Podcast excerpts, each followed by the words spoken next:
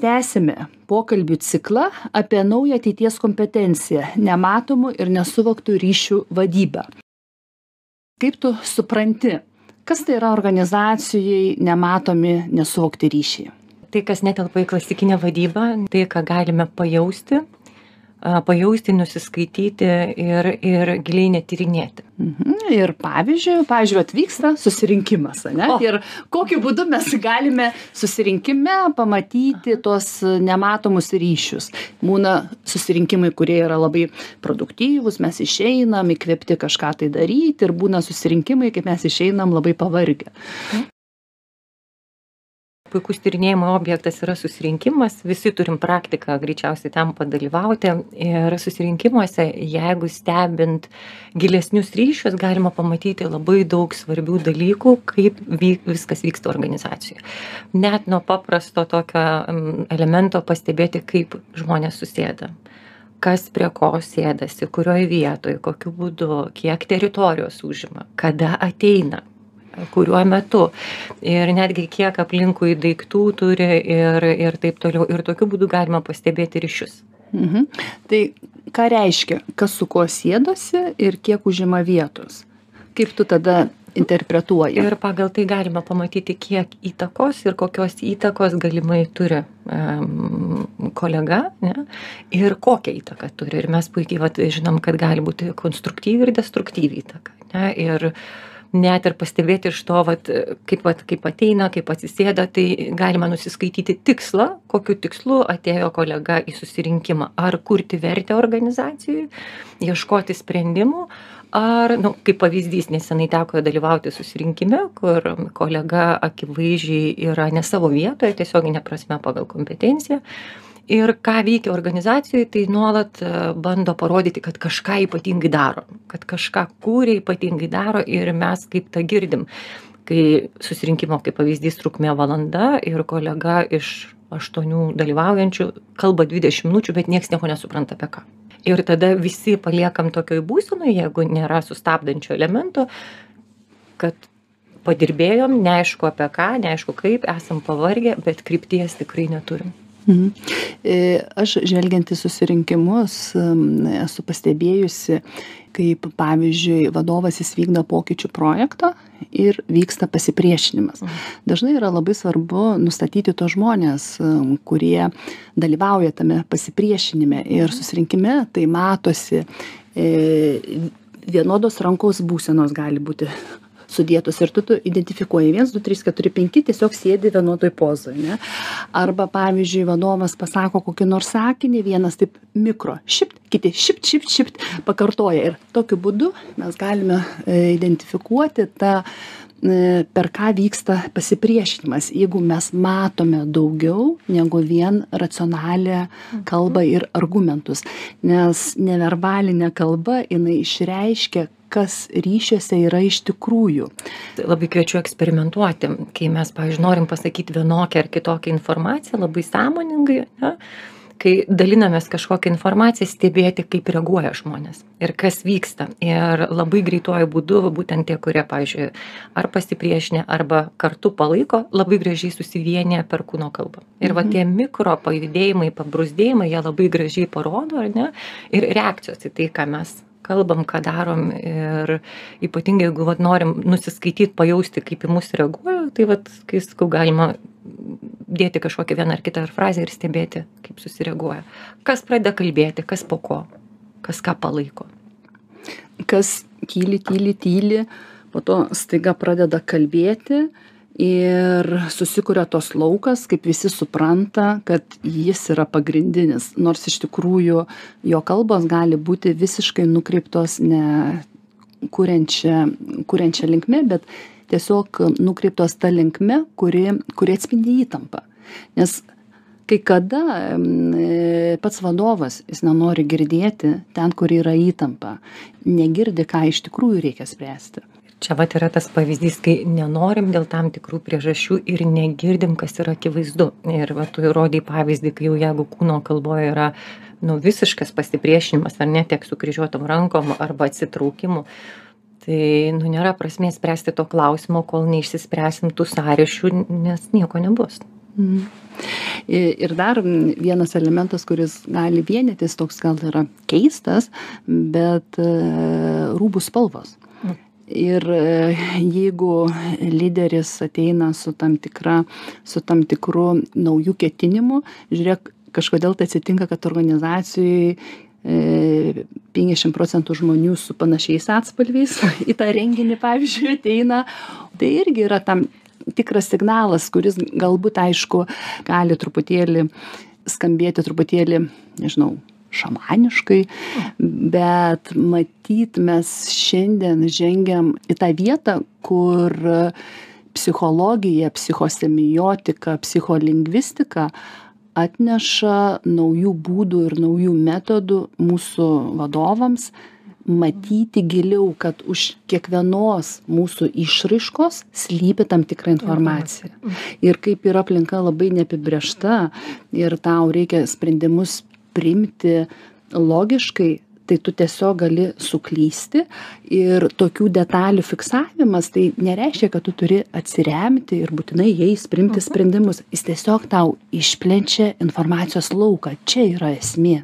Čia beje geras pastebėjimas, jeigu stebėti irgi, kaip žmonės atrodo, ar ne, mes vieni kitų atspindžiai ir apie drabužius išties labai būna e, įdomu vat kaip jeigu kokia nauja komanda ar ne toks pa pa pabirę dar kiekvienas ieško savęs. Ir kai tiktai vadovas įgauna autoritetą kai jį priima kai jisai įgauna savo tą galią ne ir čia vat gražus pavyzdys ir kartais galima net stebėti kai panašiom eilutėm ateina į darbą jeigu vadovas ten kaip pavyzdys dėvi melsvus marškinius žiūrėk kas antras tie kurie yra kartu su melsvais marškiniais. Arba ten rožiniai. Ir pastebėkit tokius dalykus. Yra unikalu kartais galvoju o tai jūs susirašėt iš vakaro? Nu ne. E, mano iš viena iš organizacijų yra feminabona tai yra estetikos srities kompanija tai mūsų komanda net juokiasi kad galima galima fotografuoti žmones prieš ir po kokių devynių dešim mėnesių kaip iš principo keičiasi žmogaus stiliaus ir tai reiškia kad tas žmogus tapo tos komandos dalimi. Jeigu pas jį niekas nesikeičia reišk reiškias viduje dar matuojasi jis čia yra mhm. ar nėra čia žinau kad tu esi didžiulė ekspertė personalo atrankose ir ir mes su tavim ne kartą esam kalbėję kaip tu įdomiai atrandi žmones į organizacijas. Juk iš principo yra kertinis momentas kad tinkamas žmogus atsirastų tinkamoj vietoj. Kaip tu tai darai? Kartais manęs klausia nu tai kaip tu radai vat šitą grynuolį? Nu kaip iš tiesų tai vyksta intuityviai vadovaujantis intuicija ir būtent per tai kai nusiskaitai iš tikrųjų ko reikia organizacijai kuriam taške kurioj vietoj ir tada ateina pajautimas o kokios kompetencijos ir kokio žmogaus reikia. Ir kai tas įvyksta kai būna labai aišku vat kokio žmogaus kokios kompetencijos ir ką išspręsti organizacijoj a atsiranda tie žmonės. Jie atsiranda per ryšius per linktiną per aišku tam tikrus metodus ir būdus bet tik ne per skelbimus. Nepavyksta per skelbimus dabar atrasti tinkamų žmonių, kurie kokybiškai a, išpildytų to, ko reikia. Ir būtų įdomu pakalbėti pagal kokius simptomus atrodo kai pavyzdžiui ateina per didelis žmogus tai vietai arba ateina per mažas žmogus tai vietai. Gal tu gali apibrėžti iš personalo pusės ką reiškia per didelis kandidatas? Per didelis tai jeigu tiksliau kai e, kolegos kompetencija yra gerokai platesnė e, didesnė negu yra reikalinga tai funkcijai atlikti ir tada kaip ir organizacija ga galvoja aha nušausim čia kelis zuikius nes čia pakankamai stiprus patyręs žmogus sutvarkys vat reikiamą klausimą ar ne? Ir kas atsitinka mm, bet tada tikrai labai svarbu motyvas dėl ko tas žmogus atėjo. Būna įvairiausių priežasčių tai bet kokiu atveju laikui bėgant kai yra per didelis žmogus jisai pradeda ieškoti kitų galimybių. Aš žinau kad vienas motyvas kuris dažnai būna kai e, tas žmogus kuris yra per didelis jam reikia augti ir vietoj augimo jis pasirenka saugumą. Vat ateinu čia aš saugiai gausiu tam tikrą dalį pinigų o po to jau galvosiu ką veikti toliau. Kokiu būdu at mes galim pastebėti kad tas žmogus yra per didelis kaip tau atrodo tai organizacijai. Kartais kas atsitinka, ne, kad žmogus tada tiek išsiplečia ir būna ir subordinacijos klausimų, ne, nu, jeigu tu esi pakankamai didelis būti įmonės vadovo, esi padalinio, tai tada matom, kad pradeda spręsti ne tos klausimus, kurie kurio, kurioje atsakomybė yra, ne, kitas dalykas dažnu atveju tai irgi matos per motivaciją, ne, ir labai stipriai matos, kad žmogus, jeigu jisai save suspaudinėja ir neleidžia savo būti tokiu, kokiu jisai yra, tai uh, matosi per veiksmus per konkrečius veiksmus kaip kaip elgiasi ir ir galop sakau akys greit pradeda nebespindėti turbūt dar matosi pagal tai kad kai neturi vidinės motyvacijos jis pradeda nebegerbti aukščiau stovintį vadovą. Ir tai būna per tokius žodelyčius o aš žinau o pas mus buvo taip o pas mus buvo taip o šitoj organizacijoj nevyksta taip kaip turėtų vykti jis pradeda labai daug dalykų projektuoti į projektuoti į kitus ir reiškias kad jis nebegali savęs išreikšti o mes kaip savęs negalim išreikšti mes daromės savotiškai pikti tai aplinkai kurioje esam nors ta aplinka visiškai nėra susieta su mūsų pasirinkimais. Ir tai vyksta dažnu atveju net nesąmoningai ir tai vyksta vat tai ką tu pasakei ane va tas destruktyvumas jisai vyksta nesąmoningai ir vat kai mes kalbam apie nematomus dalykus nematomus ryšius mum dažnu atveju pakanka pagalvoti. Ir mes jau paleidžiam vieną ar kitą mechanizmą kuris realybėje veikia o kaip atrodo kaip organizacijoj yra per mažas? Kandidatas ir čia turbūt yra tas dažniausiai pasitaikantis mitas jeigu žmogus gerai dirba jį reikia mhm. paaukštinti. Ir tada mes staiga iš gero specialisto mhm. turim labai prastą vadovą. Ir turim dvigubą problemą. Ir tada turim dvigubą problemą ir čia pasitaikantis variantas kai aha jeigu kolega dirba ten x metų lojalus puikus savo žinių ekspertas nu darom nu ką dabar daryt būtinai sako ką klasikinė vadyba reikia karjeros ne nebūtinai iš tikrųjų žmonėm taip. Tai pakeliam pareigose sakom mhm vadovauk tvarkykis su padaliniu ir žmogus nėra pasiruošęs vadovauti. Ne nėra tos kompetencijos nėra dar pasirengimo pasiryžimo kas vyksta organizacijose ir čia dažnas net pasakymas nu jeigu jau siūlo tai reikia imti ane nu tai pastatom į tokią vietą darbuotoją tai atsiranda neretai kad žmogus blaškosi nerimauja vis nori grįžti į tą savo specialisto e, vietą e, kontroliuoja ne ir augimo toj vietoj nėra. Ir koks dar būna reiškinys ir tekę susitikti kad kai ieškom pamainos tam kolegai darom atranką ir jos labai dažnu atveju būna ilgai nesėkmingos. Dėl ko? Dėl to kad tas kuris yra ne savo vietoj vis nerimauja ar jam pavyks ir yra mintyse mintyse dar savo buvusioj vietoj. Ir jeigu vieta yra užimta mintimis neįmanoma tenai ko nors įdėti. E, ir mes čia dabar gauname tokius du įdomius atvejus. Vieną atvejį kai žmogus yra per didelis jisai projektuodamas į kitus savo problemą jis iš principo į pasipriešinimą įtraukia ir aplinkui esančius nes tiesiog jis turi labai daug energijos ane o kai yra žmogus per mažas ir jis yra pakilęs iš tos vietos ir kaip tu labai gražiai sakai kad mums tada yra labai sunku surasti į jo vietą žmogų ir gaunasi kad jis nei pats atlieka funkciją naujoj vietoj nei į seną vietą kaip tu sakai tai yra dviguba problema. O pagal ką atpažinti kad žmogus yra per mažas? Per išraiškas tai e, vėlgi veikimo principai drąsa veikti ne drąsa veikti drąsa neturi drąsos neturi neturi jisai daro jis apsivėlęs jam rezultato kažkokio tai daug nėra. mechaninio darbo daug daro mechaninio. daug triukšmo net galima girdėti kad nu daug darau daug galvoju bet mes kartais kai sakom jeigu darai tai nekalbi padarai dalykus projektai vyksta ir apie juos ten nereikia daug o dar vieną noriu aspektą paliesti apie žmogaus išėjimą iš organizacijos. Mes nes mes dažniausiai dažniausiai mes į tai gal ne tiek kreipiam dėmesį nes mums atrodo yra svarbiau priimti e, o jau ten išeina nežinau ten geri santykiai blogi santykiai išspręsta proporcingai išspręsta.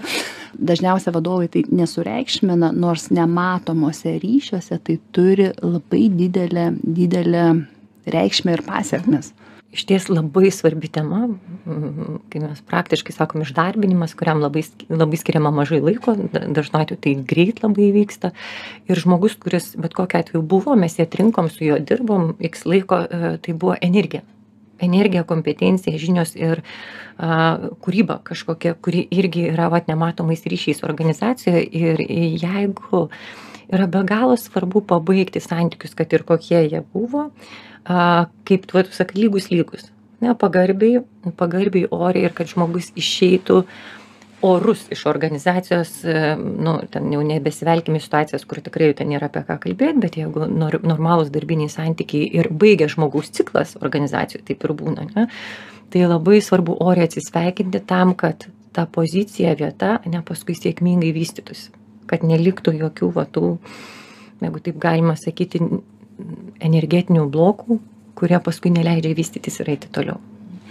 Geriausia matyti yra, kaip ir organizacija, nu, organizacija, aš turiu minty tas vadovas, su kuriuo yra susijęs žmogus, ir tas žmogus jaučia, kad baigėsi. Ir kai tas atsiskirimas, jisai per pokalbis vyksta natūraliai, tada nelieka užspaustų emocijų ir tada e, tos iš, išeitinės, tos sąlygos, jos būna netiek skaudžios organizacijoje. Ir aš savo pati esu atradusi ten, kur prasideda labai daug išeitinių, labai tos skausmingos sąlygos. Dažniausiai organizacija už pinigus perka žmogaus nuoskaudas. O kad nuoskaudas organizacijos sukurtas, tai yra ne žmogaus problema, tai yra aukščiau to stovinčio vadovo, kuris kažko tai nepamatė, galbūt ir jis matė, kad žmogus dirba kažką tai ne tą, bet laiku nepasakė. Nu, ta prasme, ta situacija išsitempė ir tada organizacija pinigais perka. Bando kompensuoti. Ir čia va iš ties tu atidarai tokį dar kitą lauką, ne, mes daug ką pastebim ir matom.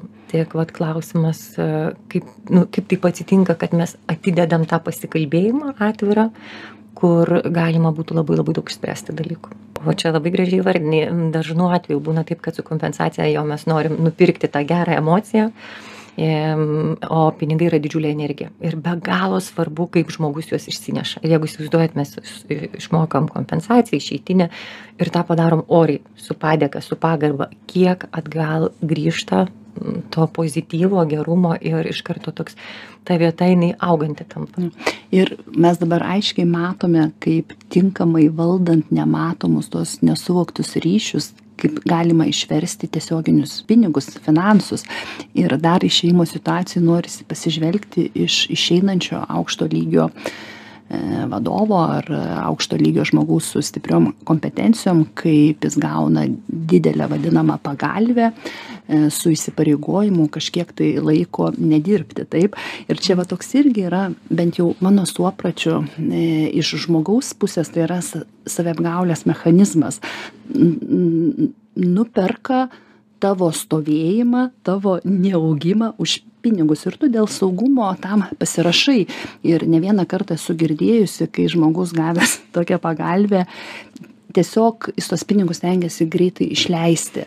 Ir sako, atrodo, va, tos išleidus pinigus man atsiveria erdvė naujoms galimybėms. Taip ir čia puikus apčiuopiamas pavyzdys kad taip vyksta ne kai mes jeigu taip galima pasakyti parduodam savo laiką už tam tikrą susitarimą ane kad pasąmoniniai išties gyvenimas ką sako atiduok tą energiją bet kur gal net ir visai netikslingiems netikslingoms investicijoms tam kad galėtum eiti toliau.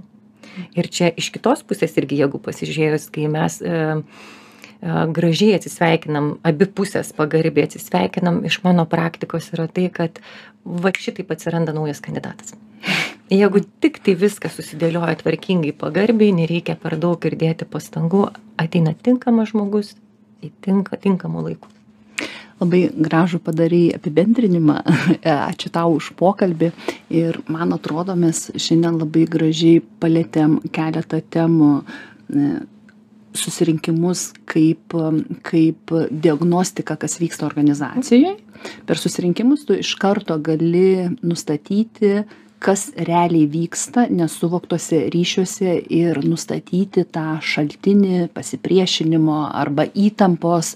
Toliau mes palėtėm kaip yra svarbu kad į tinkamą vietą ateitų ne ne per didelis žmogus ne per mažas ir per kokias išraiškas tai matyti ir to negalima ignoruoti nes anksčiau ar vėliau mes atsisveikinam su tais žmonėmis su didžiuliais nuostoliais ir toliau mes palietėm labai svarbią temą kur šiandien mažai kas kreipia dėmesį kaip teisingai atsisveikinti kad ir žmogus rastų naujas galimybes ir kad organizacijoj į jo vietą ateitų tinkamas kandidatas